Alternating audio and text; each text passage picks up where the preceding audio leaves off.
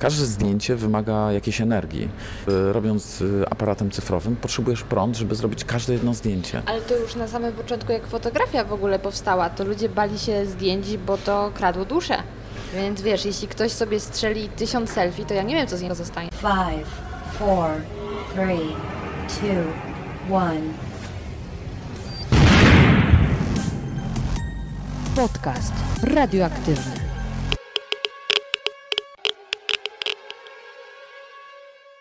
Dzień dobry, dzień dobry. Witam Cię w kolejnym odcinku podcastu radioaktywnego. Czy Twoim zdaniem fotografia modowa to jedynie piękne kobiety i ubrania? A może jednak jest to swoisty obraz danych czasów? Czy z magazynu modowego możemy dowiedzieć się, w których latach ludzie zachłysnęli się kosmosem, a w których heroiną? I co o naszym kraju mówi okładka polskiego Woga? Odpowiedzi na te pytania udzieli mój dzisiejszy gość, Tomek Drzewiński, wspaniały fotograf i autor strony o fotografii. Zapraszam Cię do wysłuchania naszej rozmowy. Ty patrzysz na otoczenie e, już jako potencjalny obiekt do zdjęć? Czyli już widzisz to w kadrze e, takim e, zdjęciowym, czy patrzysz normalnie i nie szukasz podświadomie od razu ujęć? Hmm. Generalnie fotografia to jest sztuka patrzenia, więc nawet nie trzeba mieć aparatu ze sobą. Jeżeli się ma taki mm, stan umysłu, nazwijmy to fotografa mhm. albo osoby, która czegoś poszukuje, to to jest tak naprawdę cały czas włączone, że widzisz obrazami. Nawet nie, niekoniecznie musisz robić zdjęcia, ale widzisz, e, idziesz i widzisz na przykład, nie wiem, jakieś kształty, e, widzisz e, zestawy różnych obrazów, które dzieją się jednocześnie. Czasami to są sytuacje, czasami to są niesamowite twarze ludzi, czasami to jest światło, tak jak dzisiaj. No jest niesamowite światło i światło tworzy cień. I gra światła i cienia m, tworzy jakiś niesamowity teatr e, w, w przestrzeni. Także to jest, y, jak idę ulicą, to zdecydowanie gdzieś to jest we mnie. Mm, na pewno. To nawet nie wyobrażam sobie, że byłoby inaczej. Ale niekoniecznie muszę na końcu zrobić zdjęcie. Nie masz Czas... takiej ciągotki, kurczę, gdzie jest mój aparat? Kiedyś sobie zrobiłem taki, takie ćwiczenie, mm, jak poleciałem e, na Kubę e, i byłem bardzo, bardzo e, taki zmęczony nadmiarem pracy jako fotograf. I postanowiłem sobie, miałem aparat ze sobą, ale postanowiłem przez tydzień nie robić zdjęć. Robić zdjęcia, tak, dosłownie, robić zdjęcia tylko oczyma i zobaczyć sobie, co w mojej głowie zostanie i których obrazów będę żałował, że ich nie sfotografowałem. E, I to mi tak dało dużo do myślenia w takim sensie, co jest dla mnie ważne. Mm, że bardzo mnie odświeżyło. To takie, takie bardzo ryzykowne, można powiedzieć, ćwiczenie. No bo siłą rzeczy te zdjęcia, te obrazy zostały tylko w mojej głowie. Mhm. Nikt ich więcej nie zobaczy. Ale widzisz, ale to jest chyba to, że y, my teraz mamy w kieszeniach bardzo dobre aparaty. I ludzie są tak skupieni na tym, żeby zrobić zdjęcie, że w sumie mają już w poważaniu samą chwilę, byle tylko zdjęcie. I na koncertach. Idą na koncert, nagrywają koncert yy, smartfonem, kiedy trudno mi uwierzyć, że oni będą sobie wieczorami ten koncert puszczać, bo jakość jest słaba, nagłośnienie będzie słabe, więc ostatecznie i tak włączą go na YouTubie, ale tak się skupiają, żeby to nagrać, że już nawet nie patrzą na scenę, tylko na ekran telefonu, więc jaka już jest różnica, czy on to słyszy teraz na żywo, czy nie. Więc to, co mówisz, to wydaje mi się nawet mogło spowodować, że o wiele intensywniej e, jak, gdybyś, jak gdyby odczułeś tą Kubę. Absolutnie masz e, doskonałe czucie tematu, bo, bo e, jeżeli się spojrzy w ogóle na tym, czym jest fotografia, to to jest tworzenie mm, obrazu za pomocą maszyny. Mhm. I zawsze między, gdybym ja na przykład tobie robił portret w tej chwili, to między nami byłby aparat fotograficzny, byłaby maszyna, która fizycznie w jakimś sensie by nas oddzielała. Czyli ja nie miałbym takiego bezpośredniego, można powiedzieć, e, nazwijmy to w cudzysłów to wrzucę, takiego intymnego kontaktu. Tutaj zawsze trzeba jakoś tą maszynę ta zawsze, zawsze, ta maszyna będzie nas dzielić w jakimś sensie. Czyli jeżeli ktoś idzie na koncert na przykład i fotografuje ten koncert albo filmuje, e, to przez fakt, że ten aparat czy ten telefon e, oddziela go od sceny czy tego artysty, powoduje to, że ten człowiek się jakby odczepia, Izoluje izoluje. Mhm. od tego doświadczenia. On, y, on tego nie przeżywa e, w taki sposób, jakby przeżył, gdyby ten telefon miał w kieszeni i totalnie się oddał temu, co jest tu i teraz. Mhm. Em, Mindfulness, kurczę. taki, tak, tak, tak, to, tak, to, tak to brzmi, ale Ale wiem o co chodzi. ale wiem o co prawda, chodzi, tak, Że, e, że technologia powoduje to, że my rezygnujemy z, z bycia w jakiejś takiej przestrzeni przeżywania pewnych Realnej, historii realnych. Tak. I, I to jest też e, ciekawa sprawa, bo pamiętam jak ja jeszcze miałam to szczęście jednak żyć w latach 90. No, współczuję ludziom, którzy nie doświadczyli, już urodzili się w 2000, to już jest zupełnie inna rzeczywistość, ale wtedy właśnie robiło się e, zdjęcia na klisze. Mhm. I nie było, że tam możesz napstrykać milion zdjęć, tylko było ile tam klisza zbierała? 36? 36 na przykład, Coś jeżeli to był mały obrazek, tak. Więc Albo każde 24 zdjęcie nawet. było super ważne. Nie można było źle stanąć, bo rodzice pilnowali, żeby to wyszło dobrze, bo to drogie w wywołaniu. Tak, jeszcze bo braliście na przykład na wakacje pięć filmów, prawda? Tak. I później ten moment wywołania, od, oglądanie, wspominanie na nowo. A teraz ludzie wstrykają te zdjęcia, mają w galerii po 15 e, wersji swojego selfie w lustrze i nie wracają do tych zdjęć. Ja niedawno e, postanowiłam sobie wydrukować niektóre zdjęcia z telefonu e, i z Instagrama, bo jednak Instagram też jest jakimś tam takim pamiętnikiem. I to już jest zupełnie co innego, kiedy masz to wydrukowane, wisi gdzieś tam w pokoju, a nie masz w galerii e, pomiędzy milionem innych selfie. Ta technologia miała nam ułatwić życie, a wydaje mi się, że nam o wiele bardziej utrudniła. Wydaje mi się, że e,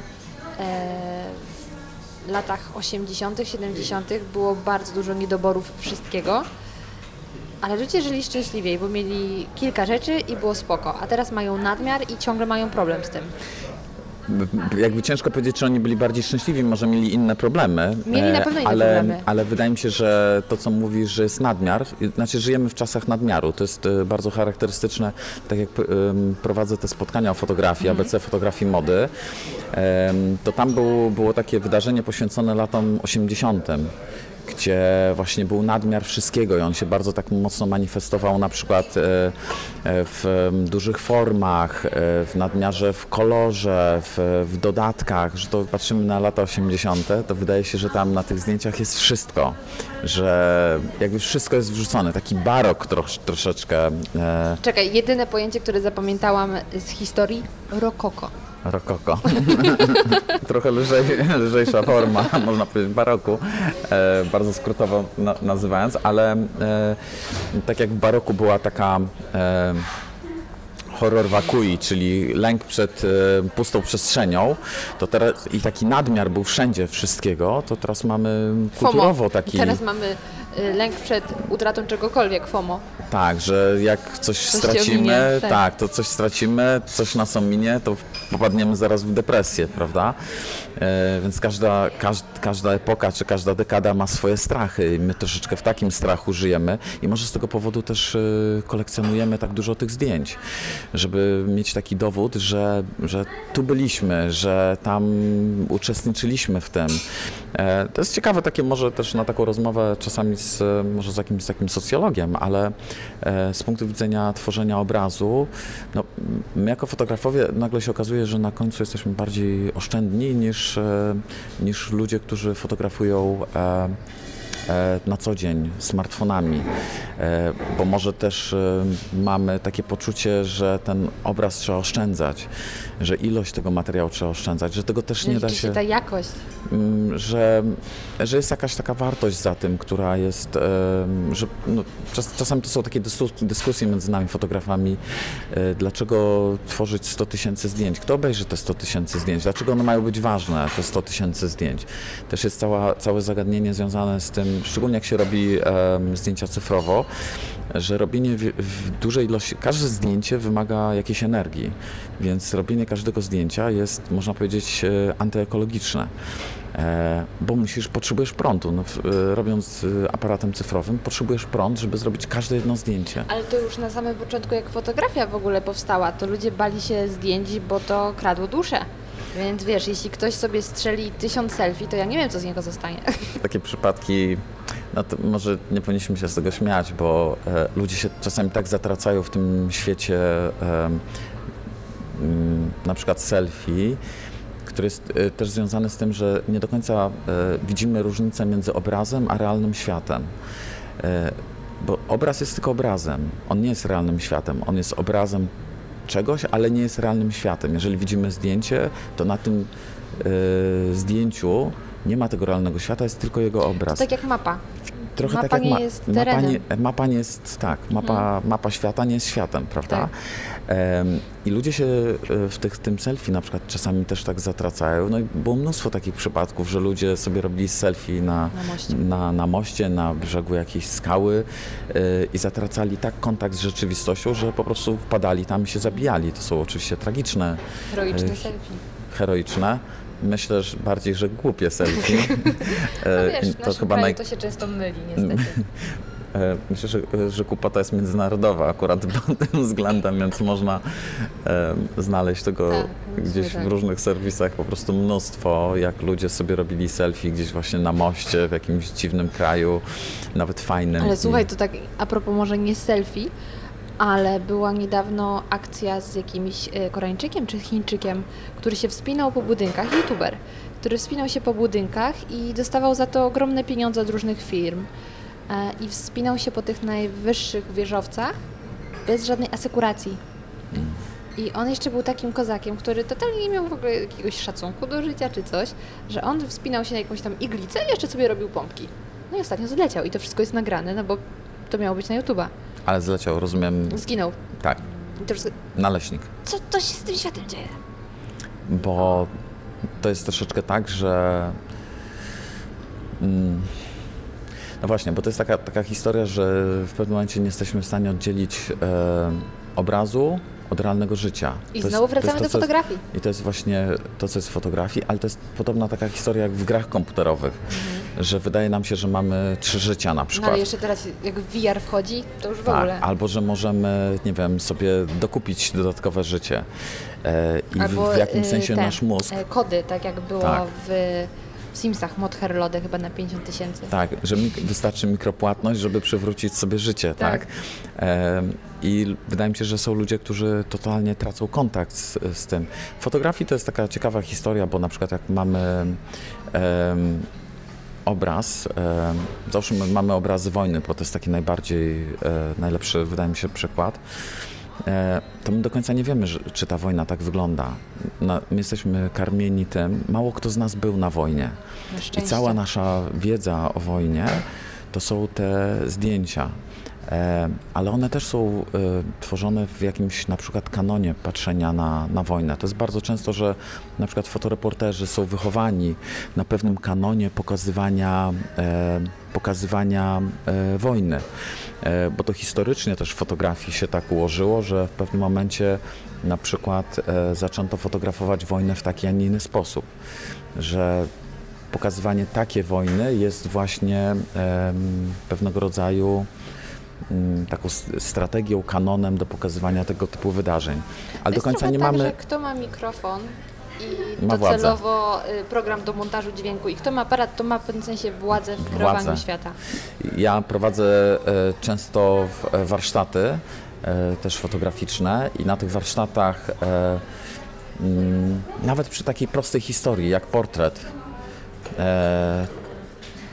to pokazuję uczestnikom, że możecie tutaj robić piękne rzeczy, możemy się skupiać na pięknie, na tej formie zewnętrznej, ale wy też macie potężne narzędzie, narzędzie władzy. I e, w historii fotografii em, aparat e, od samego początku był wykorzystywany jako narzędzie władzy, dlatego że można było manipulować Propagandy. fotografią. Jest częścią propagandy. Najbardziej to było widoczne w, na początku e, XX wieku, gdzie fotografia była bardzo mocno propagandowo wykorzystywana, czy w, czy w Rosji, czy w, czy, w, czy jeszcze w Niemczech, e, w III Rzeszy. Także to, to są bardzo takie ciekawe zagadnienia właśnie tego, że, że to jest narzędzie władzy. To, to w jakimś sensie oczywiście można powiedzieć, że wcześniej w historii sztuki na przykład malarstwo też było narzędziem władzy, czy, e, czy rzeźba była, czy Bo to architektura. jest kreowanie. I to jest chyba ten klucz, że ty kreujesz jakąś rzeczywistość. I Tak, tak. Zmieniają się tylko A narzędzia. my bardzo często mamy, szczególnie w odniesieniu do fotografii, jest taki mit, że fotografia odzwierciedla rzeczywistość. To jest bardzo nieprawdziwe i właściwie każdy, kto dłużej jest w fotografii, tworzy w, zdjęcia, to w pewnym momencie dochodzi do, do takiej konkluzji, że to nie jest rzeczywistość, to jest moja rzeczywistość, Mhm. a moja rzeczywistość jest zupełnie inna niż twoja rzeczywistość. I dlatego ja, każdy... Ja słuchaj, to samo doświadczyłam, kiedy zaczęłam pracować w mediach. Mm, I wtedy przestałam wierzyć we wszystko, co słyszę i wszystko, co widzę, bo wiem, jak to się kreuje. tak. I, I ty masz pewnie to samo, więc z jednej strony fajne, bo masz tą świadomość, a z drugiej strony jednak zostajesz e, ograbiony z takiej mm, z takiego idealnego świata, że wszystko jest tak, jak jest pokazane, tylko wiesz, że za tym stoi człowiek, a jak stoi człowiek, to człowiek może z tym zrobić różne rzeczy. Nie? Może to zrobić, y, tylko też jest ważne, że on, ten człowiek może to zrobić intencjonalnie, czyli manipulować y, na przykład obrazem, treścią, ale może też to robić y, nieintencjonalnie, bo taki jest po prostu jego punkt widzenia, czyli y, bardzo spłycając y, sprawę. E, może być fotoreporter, który ma 1,70 m wzrostu i jego punkt widzenia jest z 1,70 m, ale mam znajomego, który jest fotoreporterem, który ma 2 metry wzrostu i jego świat na zdjęciach jest zupełnie inny. Patrz, ja o tym nie myślałam, ale to jest prawda. Bang. Nie chcę powiedzieć, że to jest świat z lotu ptaka, ale, Ale jest inny. ale jest coś e, w zdjęciach. Mówię o bardzo znanym takim polskim fotoreporterze Witku Krasowskim, który jest bardzo wys- wysokim e, facetem, e, gdzie mm, te jego zdjęcia mają zupełnie inną perspektywę. E, oprócz tego, że oczywiście to jest doświadczony fotoreporter, ma spos- swój sposób patrzenia i tak ale sama taka fizyczność e, ma znaczenie na przykład w tym wypadku. Zdecydowanie. Słuchaj, jaką fotografią ty się najchętniej zajmujesz? Mm, Ja najbardziej lubię kontakt z człowiekiem, więc mam, jestem totalnie zafiksowany na portrecie. Kiedyś dużo robiłem fotografii mody, ale wyszedłem z tego świata. Ale Natomiast- czekaj, mody to znaczy sesje zdjęciowe do magazynów. Tak, do czasopism. Mhm. To do tego zaraz dojdziemy. Dobrze. E, Do tego dojdziemy. Mm, Bardzo lubię mm, szukać form w naturze. Ja kiedyś w ogóle miałem taką dużą f- fascynację architekturą. E, I mm, pierwsze moje studia, zresztą nieukończone, to była architektura. I potem jak pojechałem na studia fotograficzne do Nowego Jorku, to przez pierwszy semestr e, robiłem tylko zdjęcia architektury, bo byłem zafascynowany No, Nowy Jork. architekturą Nowego Jorku. Człowieku, kto by nie Dzi- był. Dzisiaj, tak, dzisiaj się zastanawiam, co mnie w tym fascynowało, ale to jest też ciekawe tak spojrzeć, dlaczego mnie to fascynowało. E, I to też mnie fascynowało na zasadzie kontrastu, bo być może kt- ktoś, kto mieszka 20, 30, 50 lat w Nowym Jorku, to może on już nie ma takiej fascynacji, Mhm.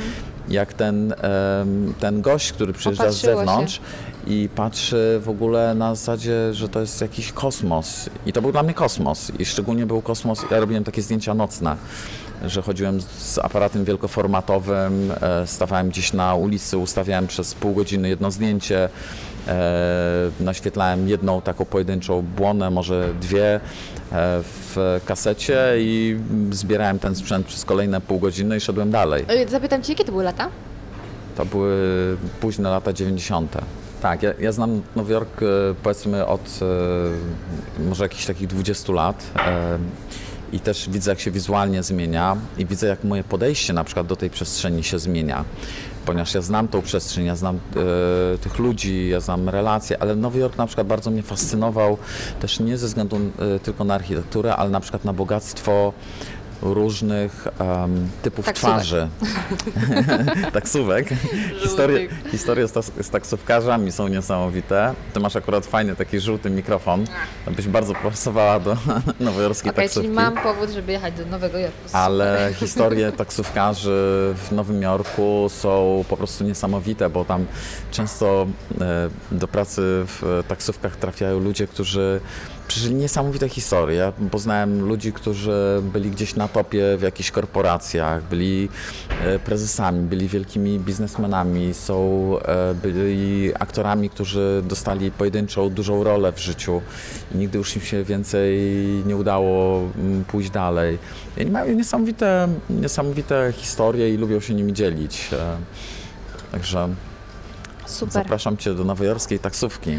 Boże, Nowy Jork to jest absolutnie na sz- szczycie moich marzeń. Ale mówię ci, no, no, tak na serio, mówię ci, bierzesz mikrofon i wsiadasz do taksówki. Czasami to może być trudny temat, bo tam jest e, dużo imigrantów, ale to jest, e, nie, nie nagrywasz obrazu, tylko dźwięk, więc być może być się mm, zgodzi. Ludzie mają niesamowite historie tam. Dlatego właśnie zdecydowałam się nagrywać podcast, bo ludzie naprawdę mają niesamowite historie i super ich posłuchać. E, no tak jak twoja, ale mm, wracając, czyli dobra, portrety. Mhm. Portrety, ludzie, e, architektura gdzieś tam po drodze i kształty w naturze, ale głównie ludzie. Czy Ludzie, dlatego że mnie interesują relacje. E, jestem głodny re- relacji z ludźmi, jestem ciekaw człowieka, kim jest ten człowiek z drugiej strony. Tak w ogóle na marginesie ja też zajmuję się e, coachingiem, pracuję z ludźmi, rzadko widząc ich nawet, bo pracuję na Skype'ie z ludźmi z całego świata. E, I mnie fascynuje drugi człowiek, jego możliwości, jego, jego energia, kolego, jego... to ja już wiem, o czym będzie drugi podcast. Coaching, ekstra. Mm, to, jest, to jest w ogóle nie, nie, niesamowite, do czego, do czego człowiek jest zdolny. W sensie, dzisiaj na przykład rano czytałem e, oczywiście o wielkiej tragedii, która się dzieje w Syrii. Teraz są bombardowane kolejne miasta i człowiek jest zdolny do, do tego, żeby e, zrównać świat z, z ziemią, ale też jest w stanie zrobić e, tak niesamowite, heroiczne rzeczy, nie tylko w skali całego świata, ale przede wszystkim w skali swojego życia. I to jest e, dla mnie to jest w ogóle, dla mnie fascynacja człowiekiem jest chyba, w pewnym momencie sobie tak zdałem sprawę, dlaczego e, tak bardzo mnie portret pociąga. Bo mnie fascynuje człowiek jako, jako ten niesamowity wytwór y, Pana Boga, czy natury, czy A na co najbardziej zwracasz uwagę? Czy to są na przykład oczy, czy to, są, to jest jakiś nos, usta? Co ci najbardziej e, tak Ba- najbardziej przyciąga? zwracam uwagę na nos. Nie no, żartuję. Całe szczęście. Mam krzywy. e, wszyscy mamy jakoś krzywe nosy. Mm. No. Tak, meta, tak, taka cisza teraz. Wszyscy mamy krzywe nosy. Em, To na co zwracasz? Mm, jakby są takie aspekty wizualne, formalne, które są ważne.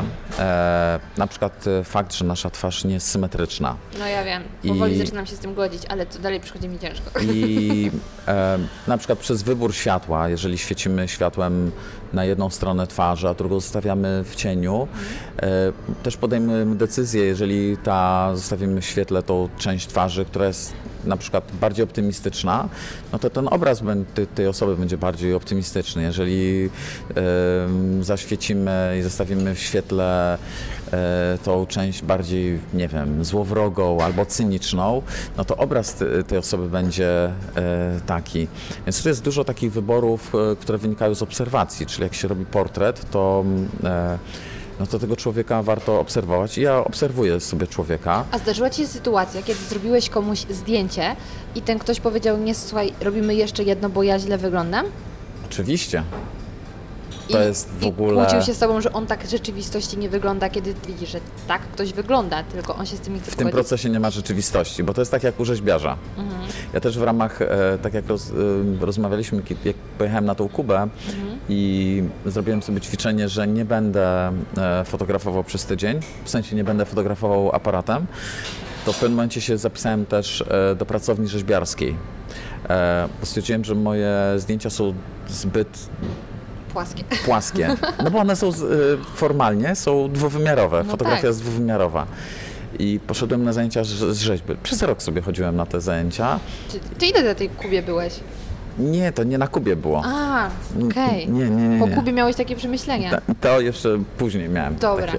Nie, nie, to nie było na Kubie. Na Kubie widziałem fantastyczną szkołę tańca i bardzo chciałem, e, chciałem pójść do tej, tej szkoły i na Kubie też e, Na Kubie też jest dobre jedzenie. akurat jadłem najgorsze jedzenie w życiu, ale e, Mają miałem- tego platana. Platan jest super. Frytki z platana w Warszawie jadą kiedyś. A, widzisz, to może w Warszawie są lepsze. Może. Ale mają najpiękniejsze kolory świata i mają maluchy niesamowitych ludzi. I są, są polskie maluchy i są niesamowite amerykańskie samochody z lat 50., które uwielbiam. Old school, totalnie. E, także Kuba jest pod tym względem fantastyczna. No i, i taniec. Pierwszą, Energia. pierwszą, pierwszą lekcję salsy dostałem w, e, w barze e, na Kubie, w jakimś takim małym miasteczku, e, gdzie jako biały człowiek próbowałem poruszać biodrami, wyglądałem bardziej jak z, z teledysku Kraftwerku. e, więc to jakby... To, ale to już jest inna historia. To taka E, dygresja. To taka Rzeźba. dygresja. Rzeźba. Rze- Rzeźba mi pokazała, e, że to doświadczenie trójwymiarowości e, jest czymś niesamowitym, że jakby można obserwować tą przestrzeń z różnych, e, z różnych stron, ale to co najważniejsze jest to, że w rzeźbie, na przykład jak się rzeźbi kogoś, e, na przykład, nie wiem, głowę po piersi i masz modela, to się z nim długo, długo się z nim przebywa, długo się e, go obserwuje. I to takie zatrzymanie się na tej obserwacji było dla mnie fantastyczną taką na, nauką. I to jest coś, co teraz też dużo, dużo uczę, e, jeśli chodzi o portret.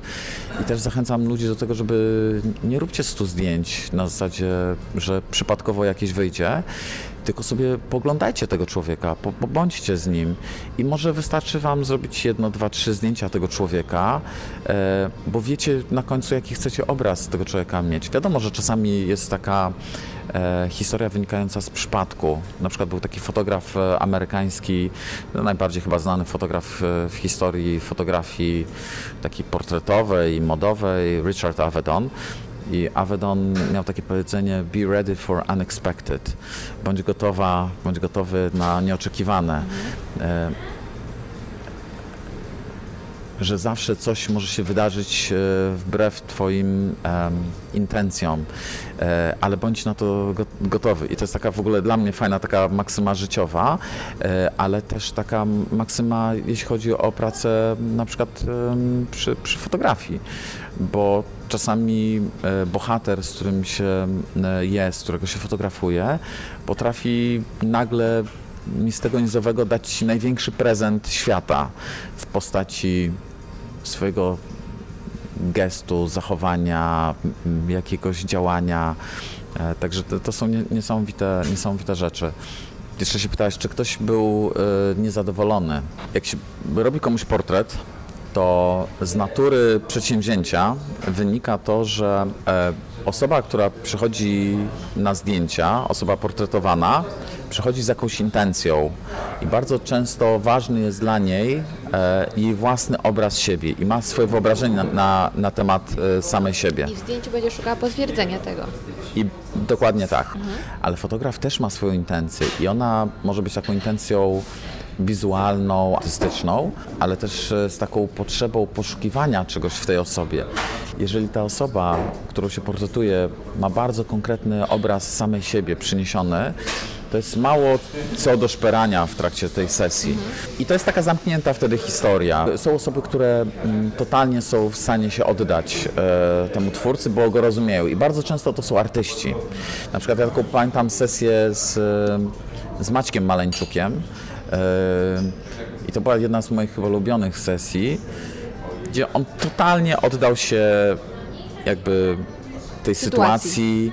e, temu aparatowi e, i można było z nim tworzyć co się chciało. To cały czas w jakimś sensie był on, ale on był taki bardzo plastyczny. Właśnie tak jak może być taka twarda glina, może być taka miękka, w której możesz tworzyć. E, może być glina, która się e, jest na tyle twarda i sucha, że po prostu będzie się sypać i nic nie jesteś w stanie tego ulepić, bo ona już taka jest. E, a tu miałem taką sytuację, że to było bardzo takie, takie tworzywo po prostu, plastyczne. Tutaj właśnie możemy wreszcie nawiązać do tematu, do którego chciałam wrócić, czyli z sesji zdjęciowych, modowych, kiedy moim zdaniem, żeby praca była dobra, to musi być to flow. Bo ja pamiętam, że zdarzały mi się sytuacje, kiedy totalnie nie wiedziałam o co chodzi fotografowi. Już pomijam, że mówił w innym języku, ale no rozumiałam Sama tylko... byłaś modelką. Tak. Y, I, I czasem było tak, że te zdjęcia szły, I to mijała chwila, moment, albo w ogóle trwało to dłużej, ale to była super zabawa, a czasem było tak, że no, za nic nie mogliśmy się, że tak powiem, zgrać. I jak ty wspominasz takie sesje modowe i, i pracę z dziewczynami? Jak profesjonalna modelka zdaje sobie sprawę z tego, że jest tworzywem i jest wynajęta do tego, Manekinem. żeby, no po francusku modelka mane, manekin, Tak. prawda? Ale, ale je- jeśli pytasz o taki flow, to, to jest czasami coś takiego, że z pewnymi osobami się po prostu lepiej pracuje.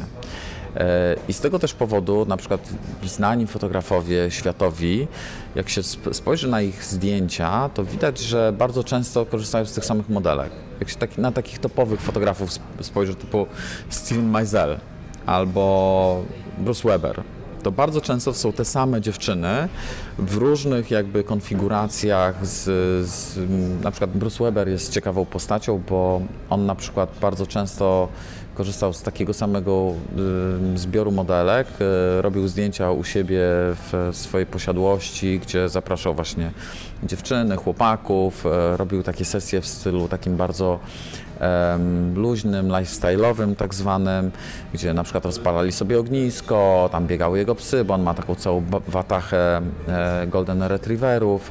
E, Jak to oni dobrze brzmi, watacha golden tak, Tak, bo tych, go, gol, tak, tych golden retrieverów nie wiem ile on ma, ale wydaje mi się, że nawet może mieć ich powyżej 10, także nie jestem w Stado. stanie... Tak, to jest stado, już to watacha. I ma też swoją taką watachę modeli i modelek i te jego sesje są tworzone w ten sposób, że on po prostu robi takie zwyczajne spotkanie, gdzie, nie wiem, robią sobie, nazwijmy to, może w amerykańskich warunkach to nie jest grill z piwkiem, ale na przykład Barbecue. barbecue i, e, i tam jest jakiś pomost i oni sobie skaczą do wody i sobie rozpalą ognisko i jest dużo zabawy, wygłupów i on w trakcie fotografuje.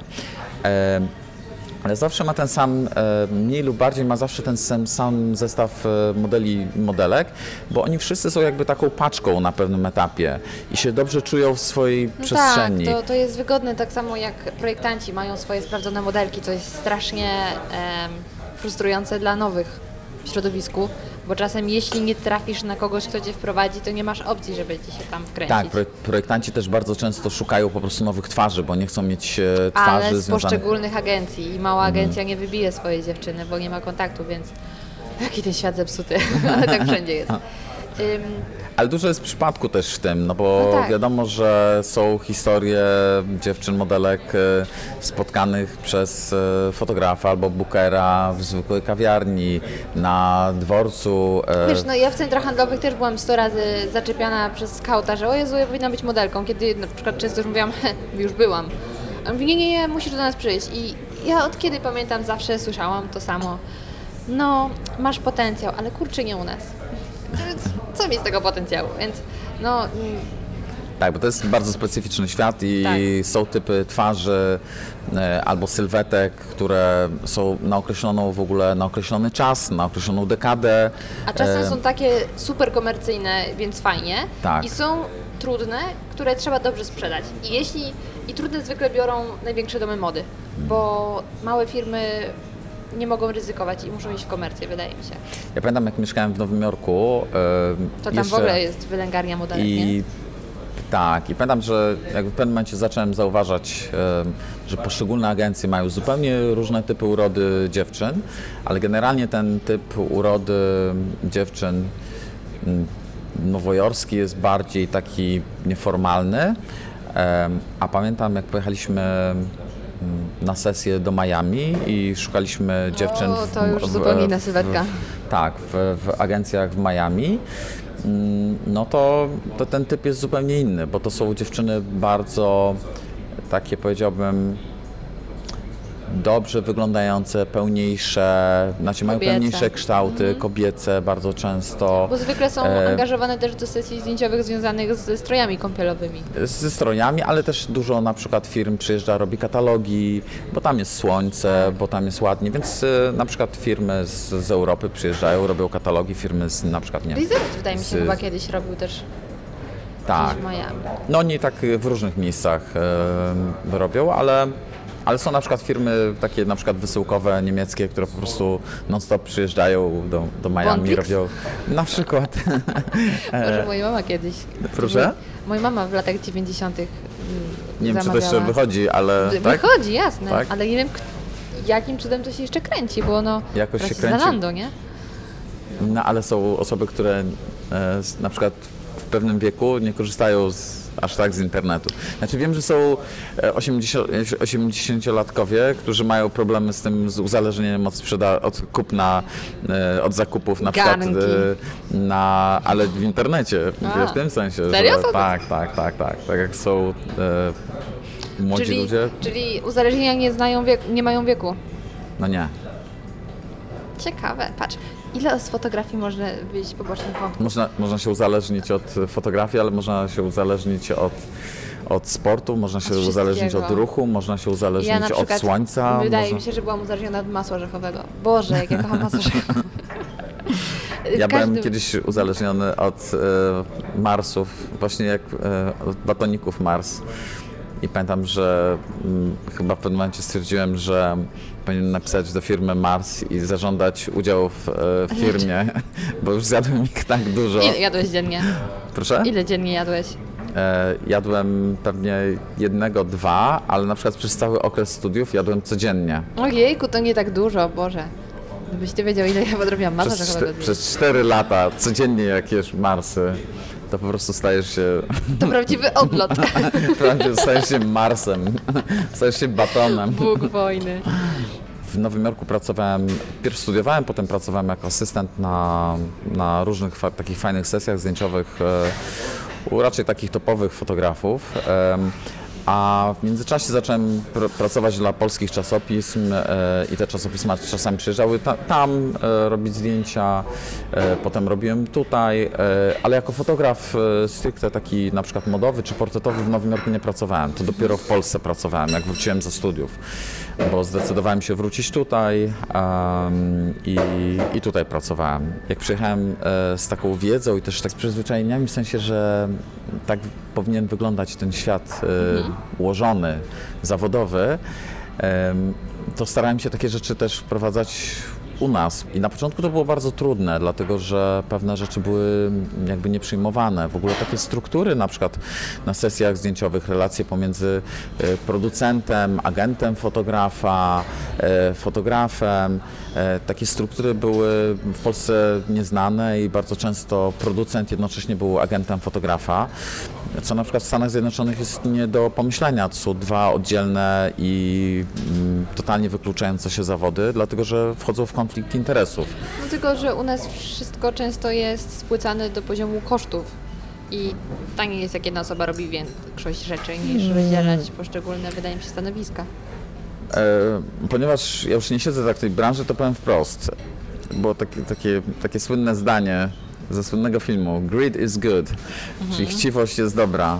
I to się bardziej działo z chciwości po prostu.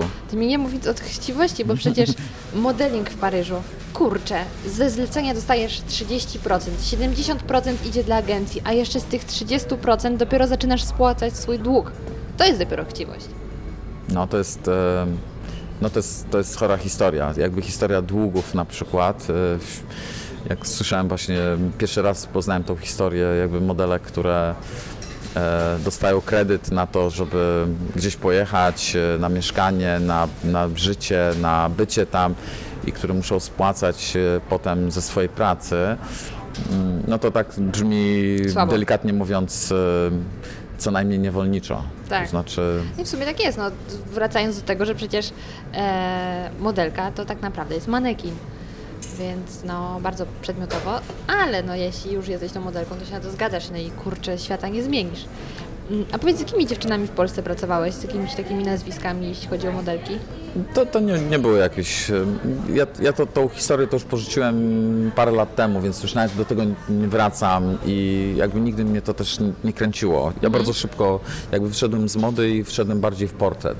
Ja zawsze miałem taką miłość do fotografii y, mody. E, mój taki ulubiony mod, taki, taki czas w historii to są lata 60. E, I właśnie Nowy Jork i Podbój czasopisma. kosmosu to był 60? Tak, tak. Świetny I czasa i czasy fotografów takich właśnie jak Richard Avedon, jak Irving Penn. E, Zresztą pamiętam jak przez, e, przez miesiące dobijałem się do studia Irvinga Penna, e, żeby być jego asystentem, e, gdzie wchodziłem przez drzwi, wywalali mnie przez drzwi, wchodziłem przez okno, wywalali mnie przez okno.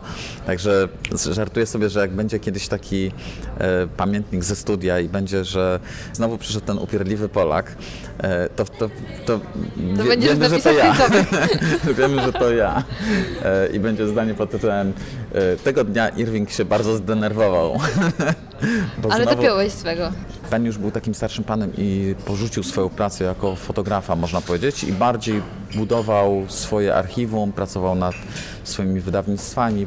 Ja jestem taką osobą, która nie potrafi siedzieć przy papierach, przy komputerze, musi działać. Ta idea w ogóle mm, Nowego Jorku, lat 60., e, e, te piękne czasopisma, Harper's Bazaar, Vogue e, z lat e, 60. czy 70. nawet, to jest coś, co zawsze we mnie tak żyło i co jakby nie spełniało się w mojej pracy fotograficznej, e, fotografii mody w Polsce. E, ja z tego też powodu w pewnym momencie stwierdziłem, że kijem Wisły nie zawrócę. I zająłem się też taką historią związaną z em, pisaniem o fotografii. E, prowadzę taki swój własny fanpage na, O fotografii. o fotografii na Facebooku.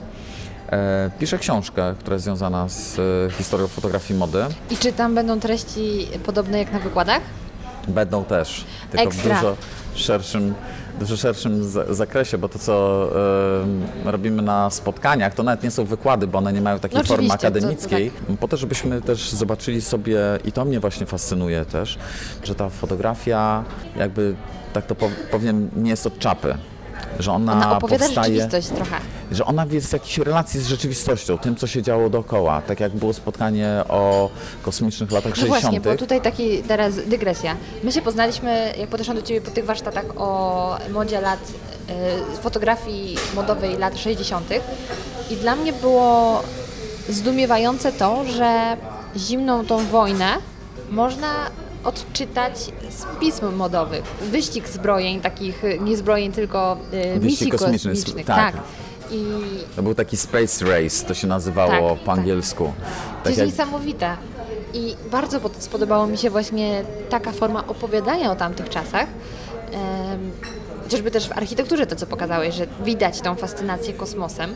w Oczywiście tam parę... architekturze, w Tak. designie, bo można wyciągnąć napra- naprawdę dużo la- rzeczy z lat 60. em, zegarki, e, budziki, tostery. Wszystko. One wyglądają tak, jakby po prostu Tak. wróciły z kosmosu.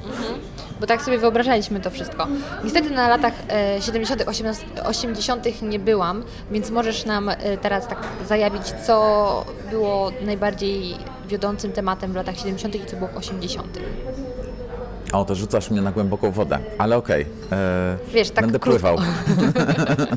Przypomina mi się basen, mojej- chodziłem do szkoły sportowej, mieliśmy basen i było coś takiego, że y, nie wchodziliśmy na płytką wodę, tylko y, trener nas wrzucał na głęboką i miał taki duży kij jak ktoś za blisko brzegu pływał, to go na, na środek wypychał i trzeba było się nauczyć. Tato mnie też To tak nauczył, wrzucił mnie do basenu. Ania Rubik wchodzi do sklepu, kładzie się na ziemniakach, Jurgen Teller robi jej zdjęcie i pani z zalady krzyczy proszę się nie kłaść na ziemniakach. Podcast radioaktywny.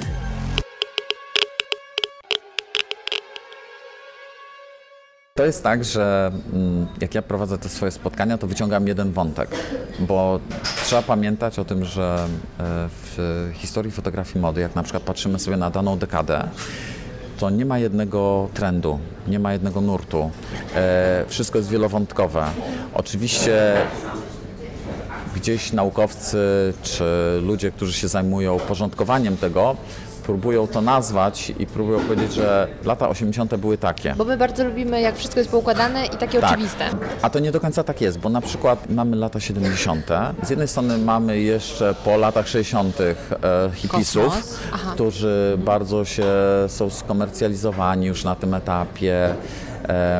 Z drugiej strony mamy powstający bardzo silny, silną sub, subkulturę punka.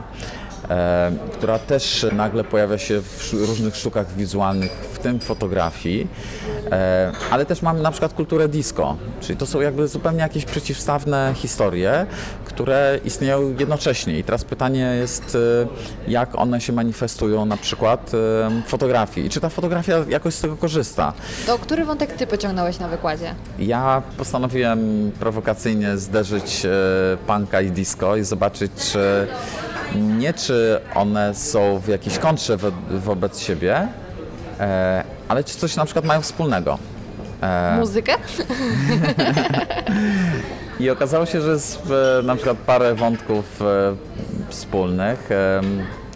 Przy- W ramach tego naszego spotkania rozmawialiśmy o Studio 54, czyli takiej scenie w Nowym Jorku, gdzie najbardziej znanym klubie lat e, 70., e, klubie, gdzie puszczano muzykę właśnie dyskotekową. A z drugiej strony na tym samym Manhattanie w Nowym Jorku powstaje bardzo znany klub e, CBGB's, e, gdzie właściwie można powiedzieć, który jest takim sercem takiego nowo- nowojorskiej muzyki punkowej.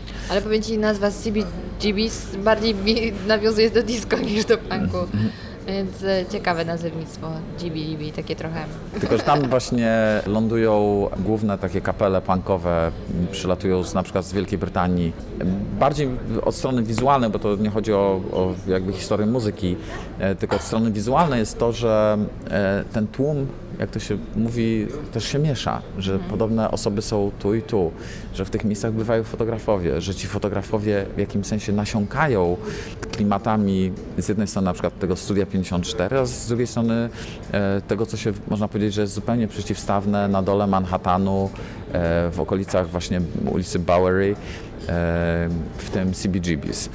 I, I to się na przykład manifestuje w, mocno w takich zdjęciach takiego fotografa Chrisa von Wangenheima, który jest fotografem który był znany w tamtych czasach, ale ponieważ on bardzo młodo, młodo zginął w wypadku samochodowym e, na początku lat, w 81 roku bodajże, mając e, niecałe 40 lat, to on był, po prostu został zapomniany. Dosłownie parę lat temu e, został wydany pierwszy jego album. Wangenheim został, można powiedzieć, odkopany niedawno.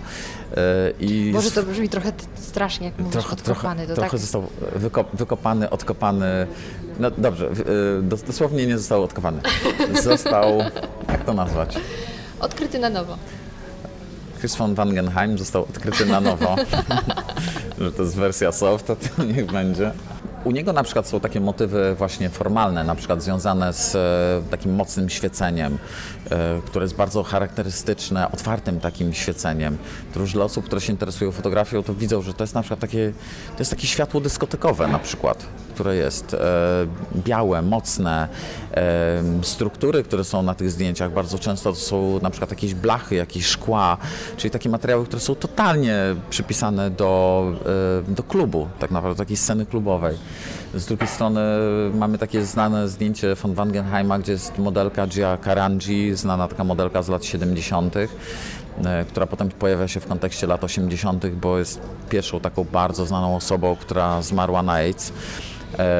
I jest zdjęcie G. Karanji z e, takim anonimowym modelem. Ten model jest ubrany jak facet CBGB's, czyli ma ramoneskę. No, zespół The Ramones e, jest taką jedną z głównych ikon w ogóle klubu CBGB's. Jest taki gościu w, w, w ramonesce, e, który robi jej tatuaż, czyli znowu jakby ma taki atrybut czegoś, co jest związane raczej z taką kulturą ofową, nie dyskotekową, no bo jakby w, w takiej ciężko nazwać to kulturą disco, ale e, w takiej przestrzeni disco to, to, to nie był, tatuaż nie był takim atrybutem, bardziej może kalkomania. Więc to takie cieka ciekawe rzeczy można z, znajdować i one są takie nieoczywiste i one są trudne do interpretacji. Grzebiesz w tych tematach. Ja sobie tak grzebię w tych tematach, szukam, e, szukam takich punktów zaczepienia, tak jak było w latach 60. ta... Czekaj, teraz 80. Dobra, a teraz 80. Dobrze. E, a krótko. Teraz, dobrze, krótko. Lata 80. E, w latach 80. W latach 80. Ja w ogóle nie chciałem robić tego tematu lat 80., Nie można pominąć. ale nie można było go pominąć. No. E, bo lata 80. ja sam miałem takie przekonanie swoje, że lata, że, mnie bolą zęby, jak myślę o latach 80., że było tak słodko, że było tak cukierkowo, że było tak dużo, że było tak dużo tych kolorów, e, że to było jak taki sklep, gdzie masz e, same słodkie rzeczy i po prostu jest 99,99% cukru. I strasznie ciężko mi było podejść ten temat, ale zmierzyłem się z nim. E, No i oczywiście wiadomo, że w latach 80. nie jest tylko, e, nie są tylko takie bardzo odkryte kolory, z, czyste, z prostych, takich mm, podstawowych e, kolorów. E, tak jak z kostki Rubika, która jest, e, przecież została e, wprawdzie wymyślona w latach 70., ale weszła na rynek w latach 80., gdzie mamy dosłownie sześć podstawowych kolorów. Podobnie w komputerach lat 80. mamy bardzo, czasami są komputery, które mają 16 kolorów, tak? E, gdzie operuje się bardzo prosto, prostą taką paletą barwną. I to samo jest w e, fotografii mody. Proste kolory, żółty, zielony, czerwony, amarantowy, e, niebieski, granatowy. I taki przesyp w pewnym momencie jest też tych kolorów, bo każdy chce pokazać, że, że jego stać. I lata 80. są takimi, takimi latami nadmiaru. Dlatego potem nadeszły lata 90. I powiem Ci, jak myślałam o wykładzie, na który poszłam, yy, że będziemy rozmawiać o latach 90., to ja też sobie wyobrażałam taką tutaj Britney Spears, jeszcze taką początkową, coś Że co takiego. będzie? Jeszcze raz powiedz. Młoda Britney Spears A, okej. i tak dalej, a Ty nagle bang, heroina. Słuchaj, lata 90. nigdy nie pomyślałabym, że heroina, no tylko oczywiście ja wtedy byłam dzieciakiem, więc też em, nie mogę tych czasów aż tak pamiętać, ale heroina to mi się właśnie bardziej kojarzy z latami jakimiś, nie wiem, 70. A ty nagle heroina i to było dla mnie duże zaskoczenie i rzeczywiście jak pokazywałeś na wątki pojaw Kate Moss, która się wówczas też objawiła, no to była duża kontra do tych lat 80. No bo wydaje mi się, że y, y, też takie spotkanie o fotografii ma sens, jeżeli się to pokazuje w sposób klarowny i się pokazuje te e, trendy w sposób czytelny. Jakby na chwilę wracając do lat 80., w latach 80. bardzo się rozwija e, kult takiego zdrowego ciała. tam się rozwijają w tym czasie siłownie, czyli tak zwane gyms. E, e, jest taka moda na fitness, związany między innymi z e, bardzo popularyzowany przez na przykład Jane Fonda. E, więc e, Z Jane Fondą to też jest, słuchaj, ciekawa historia. Ja kiedyś e, włączyłam sobie jej zestaw na YouTubie. i jak? Kurczę, jaki to był wycisk. Ja oczywiście odpadłam w momencie, kiedy zaczęły się choreografie, bo ja w ogóle nie, nie znam się na choreografiach, nie lubię tańczyć. Ale... A masz takie getry i opaskę? Nie, nie, ale wiesz, w domu to tam nikt nie widzi. Więc naprawdę ona dawała wycisk, ale ja też słyszałam, że ona miała ogromną schizę na punkcie wyglądu i ona sobie chyba nawet żebra usuwała, żeby być idealnie szczupłą i Tego no, nie mogę potwierdzić, nie mogę e, Zaprzeczyć. zaprzeczyć. Nie, nie byłem Ale jej to był hardcore, to lekarzem. mocniejsze niż Chodakowska. Polecam. E, w każdym razie w latach, wiadomo, w latach 80. zawsze te trendy się jakby ciągną, i, ale zawsze coś się pojawia w kontrze. I w kontrze w wyniku takiego przesytu, nadmiaru lat tymi kolorami i formami lat 80., e, gdzie wszystkiego było za dużo w pewnym momencie, gdzie nawet jak się patrzy na stylizację, to tego wszystkiego jest tak dużo, jest tak dużo dodatków, tak dużo kolorów, e, make-up jest taki przemalowany, że aż się nie można współcześnie na to nawet patrzeć, e, to jest coś takiego, że mm, naturalnie człowiek szuka równowagi, jak czegoś jest za dużo, no to chce czegoś No wychudzona Kate Moss. na, na, na drugą stronę. I w ten, w ten sposób na przykład w muzyce powstał e, taki nurt, nurt pod tytułem grunge, Widzisz, jak uważnie słuchałam? tak, który, który jest właśnie w graniu, jest bardzo taki chropowaty, bardziej taki surowy, e, właśnie taki antytechnologiczny. I właśnie to się podobnie dzieje w fotografii, że fotografowie sięgają po aparaty jednorazowego użytku, że nie dążą do tej takiej doskonałości, że poszukują czegoś, co ten obraz troszeczkę w cudzysłów wkładając zniszczy, e, że on będzie taki bardziej chropowaty. Pojawiają Jednocześnie- się też ujęcia takie, które do mnie w ogóle nie przemawiają, czyli takie, ja to nazywam zblazowani ludzie, Mhm. leżący, jacyś tacy wijący się na tej podłodze. W ogóle do mnie tego typu fotografia nie trafia i jak widzę właśnie takich modeli trochę zblazowanych, to już myślę, o nie, nie, za daleko. To jest zawsze pytanie. E, Czasami się coś takiego robi dla pozy, ale czasami to ma swoje uzasadnienie w czasach. Czasem tak. E, I wtedy to miało bardzo silne uzasadnienie w tych latach 90., gdzie wszystko już było tak słodkie, że można było naprawdę e, wiadomo co zrobić. Próchnica. Proszę? Próchnica po prostu. Próchnica, a to taka wersja e, Light. light, light. że próchnica, tak, podoba mi się to. Że próchnica, ale e, reakcja była na przykład taka, e, powstawały czasopisma takie ofowe względem na przykład tego mainstreamu, czyli Vogue, Harper's Bazaar, tam Cosmopolitan czy Elle, e, takie na przykład jak Reagan, Dazed and Confused, gdzie powstawały sesje, które właśnie my nazywamy ofowymi, które były taką, taką prezentowały taką antyestetykę, one były w kontrze do tego mainstreamu. I w pewnym momencie te rzeczy z tych ofowych czasopism przeszły do, do tego mainstreamu. I to tak czas, czasami jest, że ten mainstream pożera dzieci ofu e, w jakimś W sensie. ogóle się, zaczyna się w pewnym momencie e, I same pole te- do, do robienia pieniędzy na tym. Tak e, jest. No to mainstream bierze. Tak, bo mainstream potrzebuje też e, czymś nowym się odżywić, ale tutaj była taka, y, to, to, to na początku nie było skomercjalizowane, czyli na przykład jak e, Corinne Day, taka fotografka, zrobiła pierwsze zdjęcia Kate Moss e, dla brytyjskiego Vogue'a w 90. e, taka jest To w sesja bieliźnie? 90. Tak, Underexposed jest taka Mhm. sesja z początku lat 90. To mm, to, była jej druga sesja do, do, do. Ona wcześniej pracowała właśnie dla Reagana, dla Dazed and Confused.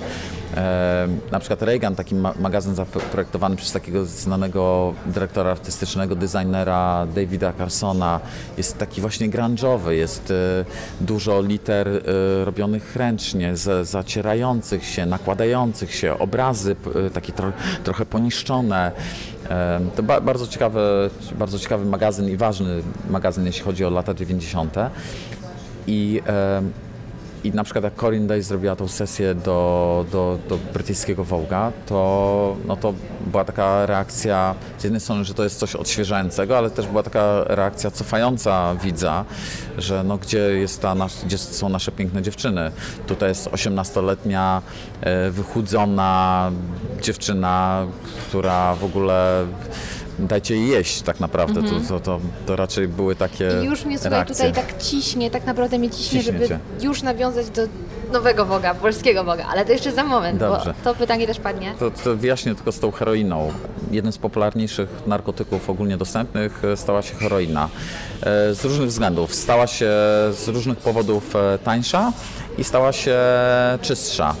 I przez to klasa średnia i wyższa e, zaczęła brać heroinę, bo można było ją brać w inny sposób niż tylko sobie ją wstrzykując. Bo oczywiście że wszystkie e, narkotyki wstrzykiwane były traktowane jako taką domenę e, Marginesu. marginesu, e, a tu się okazało, że to jest częścią, częścią tej, tej, tej, tej kultury. Zresztą jak zobaczymy sobie, ja szczególnie przywoływałem bardzo znaczące filmy lat 90., gdzie ten motyw e, heroiny, czy w ogóle ten motyw narkotyczny jest bardzo żywy, czyli e, to jest oczywiście e, Trainspotting, jeden z najważniejszych filmów lat 90. Em, To jest e, mm, Basketball Diaries, czy, mm, czy Pulp Fiction, który ma e, takie motywy związane z, z braniem e, narkotyków. Ale ten motyw e, staje się z jakiegoś powodu właśnie takiego społecznego widoczny i też gdzieś pojawia się w, w obrazach, e, które właśnie pokazują, że ten świat nie jest taki piękny i nie jest taki kolorowy i te modelki nie są takie do końca czyste i zdrowe, bo e, tak jak w latach 80., w połowie lat 80. umiera na AIDS Gia Karanji, tak tutaj w, w połowie lat 90. umiera jeden z najlepiej zapowiadających się fotografów, Davide Sorrenti. E, z, takich, z tej rodzin, znanej rodziny Sorrenti. Zresztą jego brat Mario Sorrenti był e, narzeczonym Kate Moss. Davide Sorrenti, bo to też jest ważne, e, umiera e, w wyniku kompli komplikacji związanych z przedawkowaniem. I, I właśnie tutaj chciałam nawiązać do tego motywu, że bardzo często zdarza się, że fotograf wiąże się ostatecznie z modelką. Jakie były takie najgłośniejsze romanse, poza właśnie Kate Moss z Sorrenti? Okej, okay, najbardziej znaną jakby parą, można powiedzieć, modelka i fotograf, no to jest największy klasyk fotografii, czyli Irving Penn, który ożenił się z Lisą e, Fonsha Griff która wcześniej była e, żoną innego fotografa i była uważana za najpiękniejszą modelkę lat 60. Więc takie pary często powstawały, ale to też jest naturalne, dlatego że że to jest wspólne środowisko, że ci ludzie ze sobą przebywają, że, yy, że tak jak, nie wiem, ktoś pracuje w korporacji, to więcej spotyka ludzi ze swojej pracy niż I ludzi i asystentki, i asystentów i, i po prostu to jest tak, że bardzo często spotykamy się i poznajemy ludzi, którzy są w jednym sosie i, i to jest jakby takie gdzieś tam naturalne. Ale też wydaje mi się, że to, to też jest taka, taki motyw związany z tym, że szczególnie jeżeli jest e, znany fotograf, e, uznany, to ma jakąś swoją pozycję, siłę i, i, i, to też jest takim afrodyzjakiem często dla, dla dziewczyn, a z drugiej strony jak jest piękna dziewczyna, no to, to piękno jest e, afrodyzjakiem dla takiego foto fotografa i często z tego powodu się e, parują. Oczywiście są sytuacje, nie wiem, nazwę to krzywe albo patologiczne, ale, ale, ale to one są raczej, nawet sama branża tak raczej patrzy na to na zasadzie, że no tak jak we wszystkim, no jak, jak jest dyrektor i asystentka, no to wszyscy wiedzą, że to jest krzywe i jakby to nie jest, nie jest okej, okay, prawda? Dobra, to słuchaj, to wracając do wykładów, jakbyś już dosłownie w dwóch y, słowach mhm. Opisał lata 2000, czyli od 2000 do 2010, bo już po 2010 nie wrzucajmy, bo to kolejna dekada, czyli krótko 2000-2010. Czy moda, y, fotografia modowa jest w stanie odpowiedzieć coś o tych czasach? Na początku XXI wieku fotografia przeżywa, jakby jest parę takich ważnych wydarzeń. Jedna to jest zmiana technologiczna, czyli totalne, totalne upowszechnienie fotografii cyfrowej E, w latach 90. fotografia cyfrowa była bardzo droga, była bardzo niedoskonała, a nagle w połowie lat, w połowie pierwszej dekady XXI wieku okazuje się, że można sobie wejść na e, portal jakiś zakupowy i kupić sobie pełen sprzęt fotograficzny, który można powiedzieć prawie robi za ciebie zdjęcia za nieduże pieniądze. E, więc to była totalna zmiana technologiczna, bo fotografowie kiedyś to był też taki, no musiałaś mieć takie rzemiosło w ręku, tak? Umiejętności. A teraz się okazuje, że no możesz sobie... Teraz wszyscy jesteśmy fotografami. No teraz to... wszyscy jesteśmy fotografami, możemy zrobić zdjęcie, możemy sobie znaleźć jakiś tutorial na, na YouTubie, e, nauczyć się jak coś tam, e, co nam nie wyszło nawet, e, sobie poprawić w Photoshopie czy w innym programie i jest git malina, tak? Jedziemy dalej. Więc to jakby nie, nie, niepotrzebna jest jakby taka wiedza i nie mówię, że to jest źle, tylko to jest po prostu zmiana technologiczna. Ono powoduje to, że inaczej się robi zdjęcia i to jest jakby najważniejsze. To nie jest ocena jakby sytuacji, że Jasne. tak było fajnie, a tak jest niefajnie. Tylko, że to jest po prostu zmiana sytuacji. Pod względem e, takim historyczno-społecznym trzeba pamiętać e, o 11 września 2001 roku, który totalnie przemodelował patrzenie na świat zachodni, na relacje między, między krajami, między ludźmi. Ale czy to się e, odbiło w sesjach zdjęciowych w magazynach? Tak. O proszę, w jaki sposób? Jakby temat przede wszystkim był żywy. E, zaczęto unikać pewnych tematów, które mogły być zbyt wrażliwe. E, na przykład w wielu czasopismach e, bardzo mocno, na przykład amerykańskich, była taka bardzo silna gloryfikacja takiej amerykańskości. E, No bo jeżeli spojrzymy na główny rynek e, fotografii mody, no to są Stany Zjednoczone, tak? Więc jakby trzeba patrzeć, co się tam dzieje.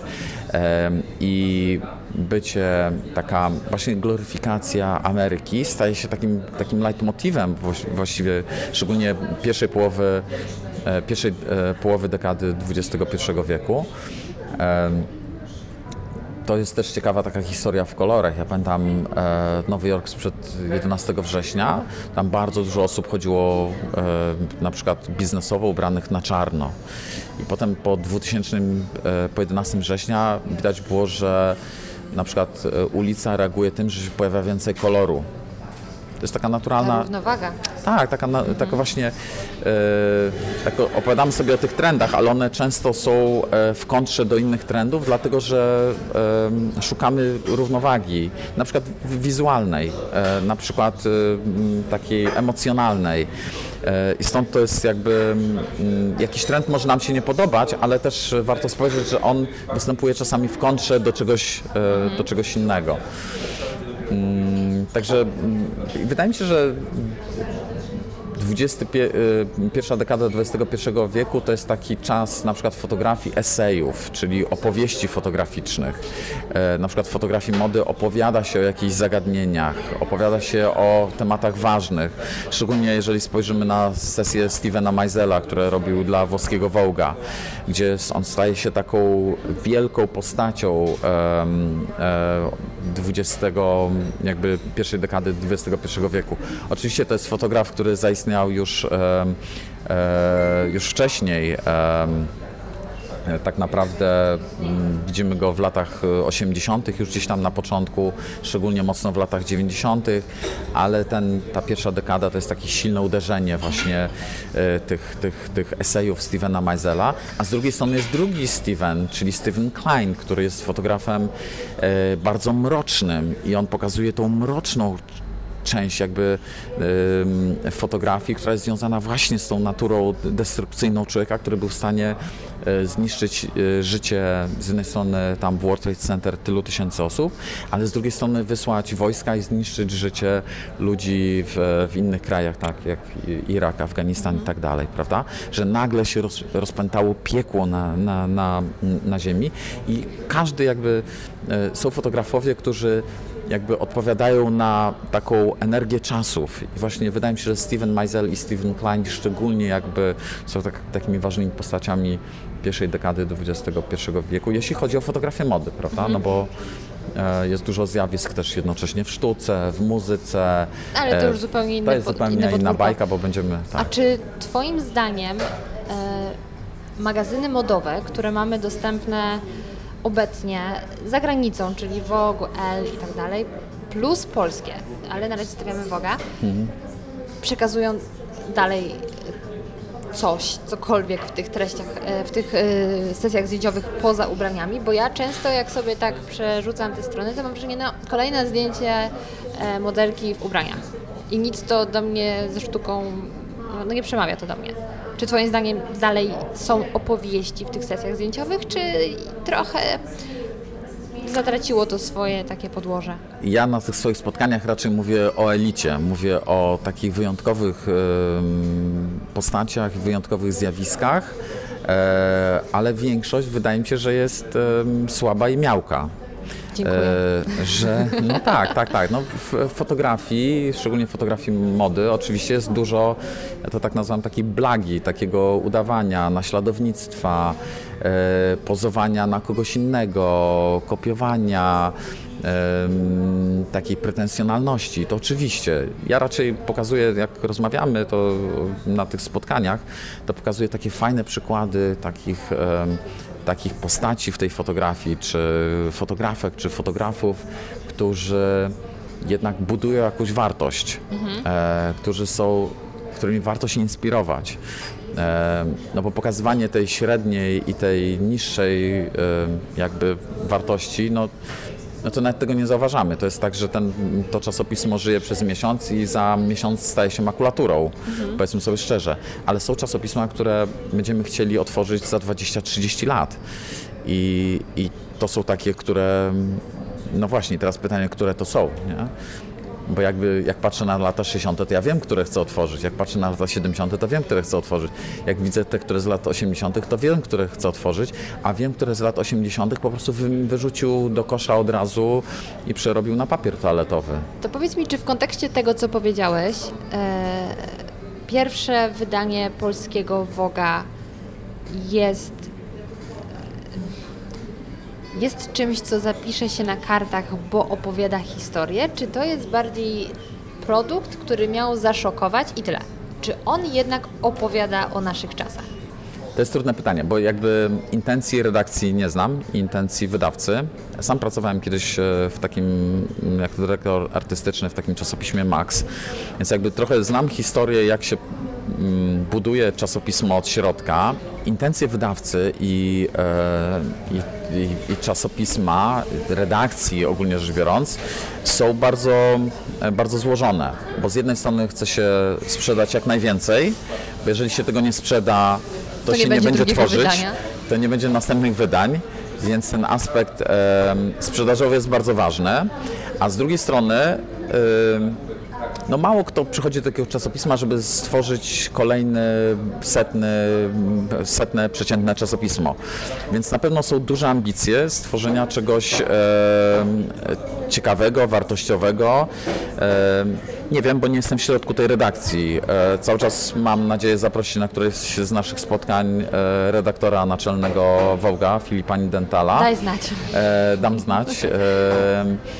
I, I czekam na taką możliwość, żeby pogadać, bo to jest tylko taka możliwość e, jakby konfrontacji, jeśli chodzi o intencje. Natomiast jeżeli, jak zobaczyłem to czasopismo na początku, na początku zobaczyłem samą okładkę. Jak zobaczyłem okładkę, ktoś się mnie zapytał, e, czy ja właśnie właśnie mogę, Tomek, czy możesz skomentować na e, tej naszej stronie o fotografii na Facebooku tą okładkę. Ja tak spojrzałem na tą okładkę, sobie myślę, hmm, no chyba nie jest to okładka moich marzeń, ale następnego dnia, jak sobie już to wszystko przemyślałem, obudziłem się następnego dnia e, i sobie tak to przetrawiłem, to sobie pomyślałem, to jest bardzo dobra okładka. Wiesz co? Ja jak przeczytałam Twój wpis, to też mi się bardzo spodobało to, co napisałeś. I ja też uważam, że to jest dobra okładka, ale dlaczego ja tak uważam? Bo ja kocham Pałac Kultury i kocham samochody. To, że one tam stoją, A ja te dziewczyny... Pałacu Kultury. A ja I, go i, kocham. jest, I wydaje mi się, że to jest też e, bardzo dobra historia, bo, e, bo na przykład jest motyw, który wywołuje bardzo dużo emocji. Bardzo. A w obrazie jest bardzo ważne, żeby były emocje. Żeby był ten efekt, że zatrzymasz tak, oko. tak. I wiemy, że my możemy o ten Pałac Kultury tutaj, nie wiem, drzeć teraz koty. Tak. tak? Bo oczywiście jest wielka dyskusja, e, czy zburzyć Pałac Kultury, czy nie. Czy nie. I nawet nie wiem, czy to jest intencjonalnie zrobione, ale jeżeli nie jest to zrobione intencjonalnie, to pod względem takim końcowego efektu jest to super Mhm. historia.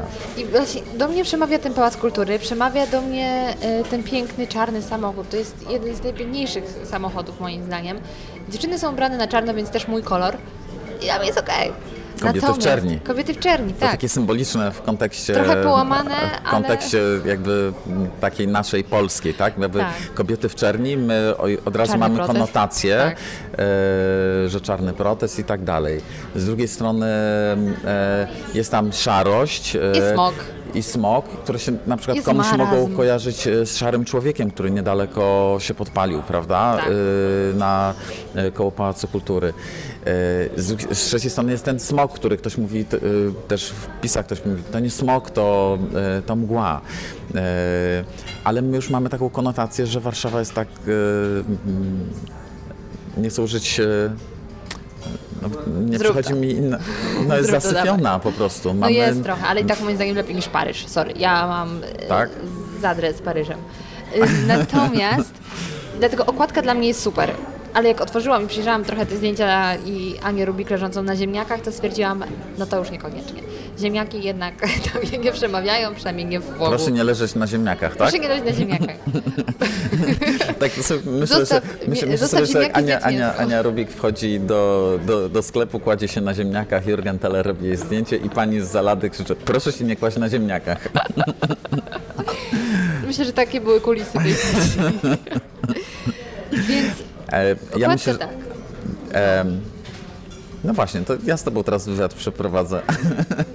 A dlaczego, dlaczego cię tak bolą te ziemniaki? Albo Wiesz, tak nie bolą mnie, tylko właśnie Oburzają, mnie, poruszają. dla mnie to już jest y, ta, ta sztuka, której ja nie rozumiem. E, dlatego jak mówię, że to jest złe, do mnie nie przemawia. Mhm. Do mnie nie przemawia leżenie na ziemniakach, nie wiem dlaczego. E, nie wiem, gdyby leżała na polu z ziemniakami, jakiś chill, spoko, ale że leży na jakimś chyba muzeum, to jest jakaś jakaś przestrzeń. To jest przestrzeń Pałacu Kultury, bo to są te A, takie te charakterystyczne te mozaiki właśnie w Pałacu Kultury Okej. na dole. E, na przykład mi to zdjęcie się bardzo, e, ja miałem od razu skojarzenie, tylko że ja trochę siedzę w tym świecie takim, nazwijmy to sztuki Tak. No, i też mam siłą rzeczy głowę naładowaną obrazami i niestety jestem niewolnikiem tych obrazów, bo mi się od razu e, one składają z tym, co widzę w rzeczywistości. Więc jak widzę te, m, ten, ten obraz, to mi się e, przypomina e, taka, m, taka jest rzeźba takiego upadającego papieża Mauricio Catalana, która była wystawiana w Zachęcie. I tam też jest taka posadzka i też jest jakby dokumentacja z tego. Jest właśnie taki papież, który leży na tej, na tej, e, na tej posadzce. Wiem, że to prawdopodobnie nie ma jedno wspólnego nic z drugim, ale też pokazuje, że czasami ta nasza percepcja jest związana z tym, co mamy w głowie. I dla mnie to było e, jeszcze ta historia związana z tym, że to są ziemniaki, że to jest coś takiego. Polskiego. No, no tak, no. Znaczy, wiesz, ja kocham ziemniaki. Boże, Pierogi, ziemniaki, pieczone prawda? ziemniaki to jest moja miłość. Ostatnio takie- ciągle Więc to jest takie, takie dotknięcie tej naszej Bo to ziemi. jest, tak, to jest na pewno bardzo polskie. No. I Ja odnajduję w tych zdjęciach Polskę, czyli właśnie taki, jak nie kraj ziemniaków, to kraj cebuli. No tam, nie, brakuje mi tam klapek kubota tak naprawdę w tej sesji zdjęciowej i byłoby dopełnienie polskości. Więc jeśli powiedzieć, e, czy to jest polski wok, jest to naprawdę polski wok. E, jeśli... Ale to wydaje mi się, że. Z, e, bo my to robimy do podcastu, tak? Tak. Więc mo mogę powiedzieć. Myślę, że trzeba mieć jaja, żeby w sensie, w takim, w takim sensie, żeby coś takiego e, pójść w taką stronę.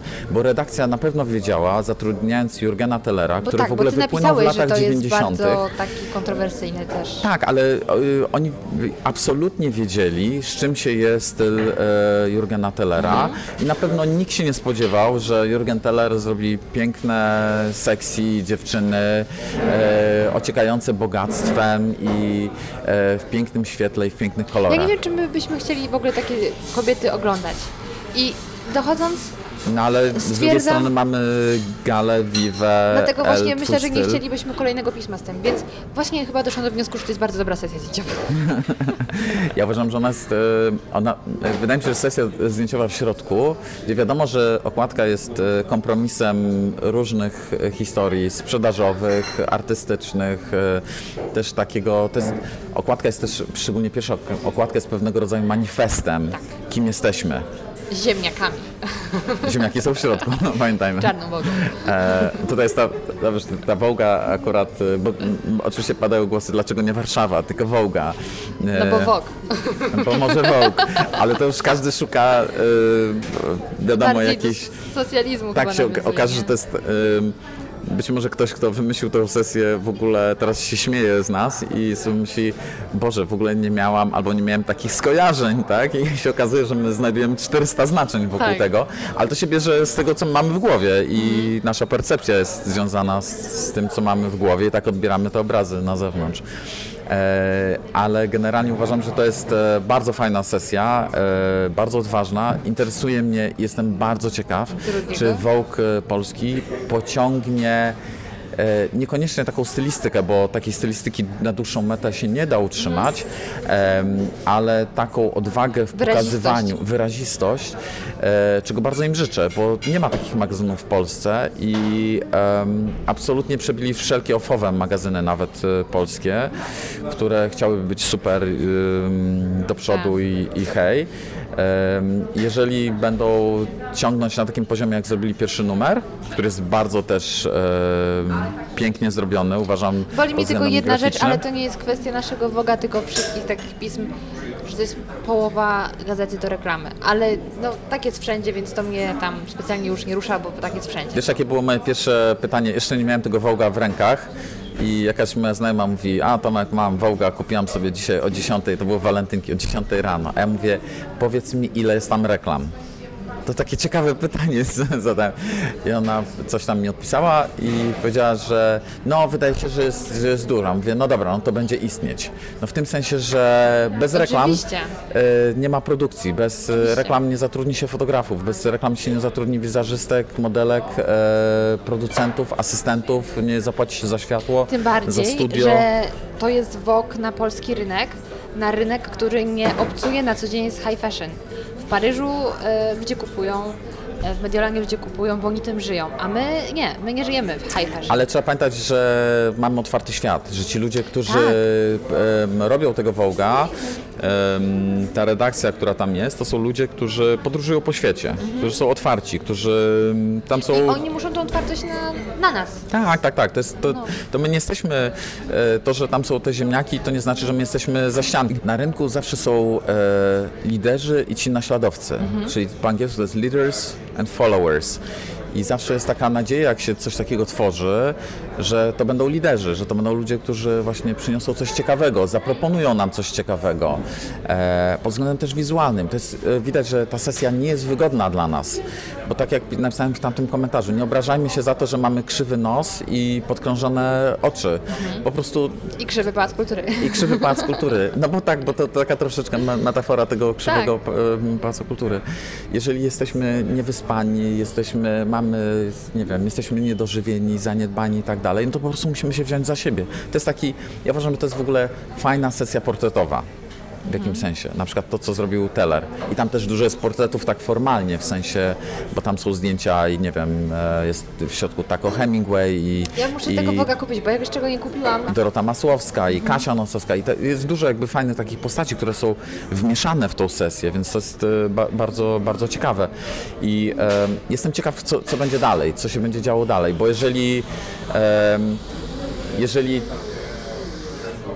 jeżeli to jest tylko rozpęd polskiego Wołga i potem będzie jakby co najmniej ten sam e, poziom albo wyżej, to myślę, że em, to może być jeden z ciekawszych wołgów na świecie. Mhm. Naprawdę, tak uważam. I tak, tak tego redakcji życzę, bo to jest e, mam superstar. nadzieję, Na, że... Pamiętam, że na przykład jak się u- ukazał Harper's Bazaar polski, gdzie tak, ja uwielbiam historycznie Harper's Bazaar. To jest najbardziej topowy magazyn świata. Każdy fotograf e, z jakim się rozmawia, taki świadomy na świecie, albo stylista, albo scenograf, marzy o tym, wie, że Harper's Bazaar, praca dla Harper's Bazaar, który powstał ponad 150 lat temu, e, jest, e, istnieje dłużej niż Vogue o kilkadziesiąt lat. To jest sprawa marzeniowa do, do, do, do, tym, do tego, żeby się potem e, tym szczycić na, na świecie. To Harper's Bazaar nie miał takiego wejścia. Harper's Bazaar pol, polski bardzo zachowawczo wszedł na, na rynek. I gdzieś tam istnieje, ale też I tak, i nie ma, nie, ma, nie, nie ma swojego koloru, nie ma swojej wyrazistości. I to, dlatego warto zwrócić też uwagę i to docenić, że e, Vogue Polska jest bardzo wyrazisty przez to, co, co zrobił. Na przykład fakt, że nie ma napisów na okładce. Tak. W polskich warunkach to jest totalnie wbrew rynkowi. Oczywiście, bo zwykle te napisy muszą powiedzieć, o, ten zdradził tą, coś tam, Tak. coś tam, żeby otworzyć. Że tak. na, na okładce nie ma y, po raz kolejny iksińskiej celebrytki, która sprzeda to pewnie w nie wiadomo jakim nakładzie. Powiedzmy sobie szczerze, te modelki, szczególnie jak one są małe, y, Małgosia Bela i Ania Rubik, one są znane branży, tak? Ludziom, którzy się tym interesują no, od one też środka, już są trochę mainstreamem. ale jednak... Telewizja trochę je wypłynęła. Tak, ale myślę, że bohaterka jakiegoś tam e, serialu X czy Y, których ja nie znam, sorry, nie mam telewizora, to, to pewnie ma większą rozpoznawalność, tak? E, więc To mam nadzieję, że jak się spotkamy następnym razem i będzie już kolejny numer i kolejny, będziemy mogli się odnieść do naszych nadziei związanych z tym pismem. Ja na tę chwilę Ci bardzo dziękuję. O coaching Cię też jeszcze zapytam Dobrze. następnym razem. Bardzo Ci dziękuję. To ja dziękuję. Bardzo dziękuję i zachęcam wszystkich, żeby wybrali się na Twoje warsztaty, które mam nadzieję, wykłady, które jeszcze będą. Tak, wszystko fakt- Twoje. Prowadzimy to w faktycznym Domu Kultury Tak. i wszyscy mogą znaleźć informacje, Na kiedy to się dzieje na na- o fanpage'u fotografii. o fotografii. I jak wrażenia? Mam nadzieję, że po dzisiejszym podcaście nieco inaczej spojrzysz na sesje modowe i będziesz szukał w nich drugiego dna.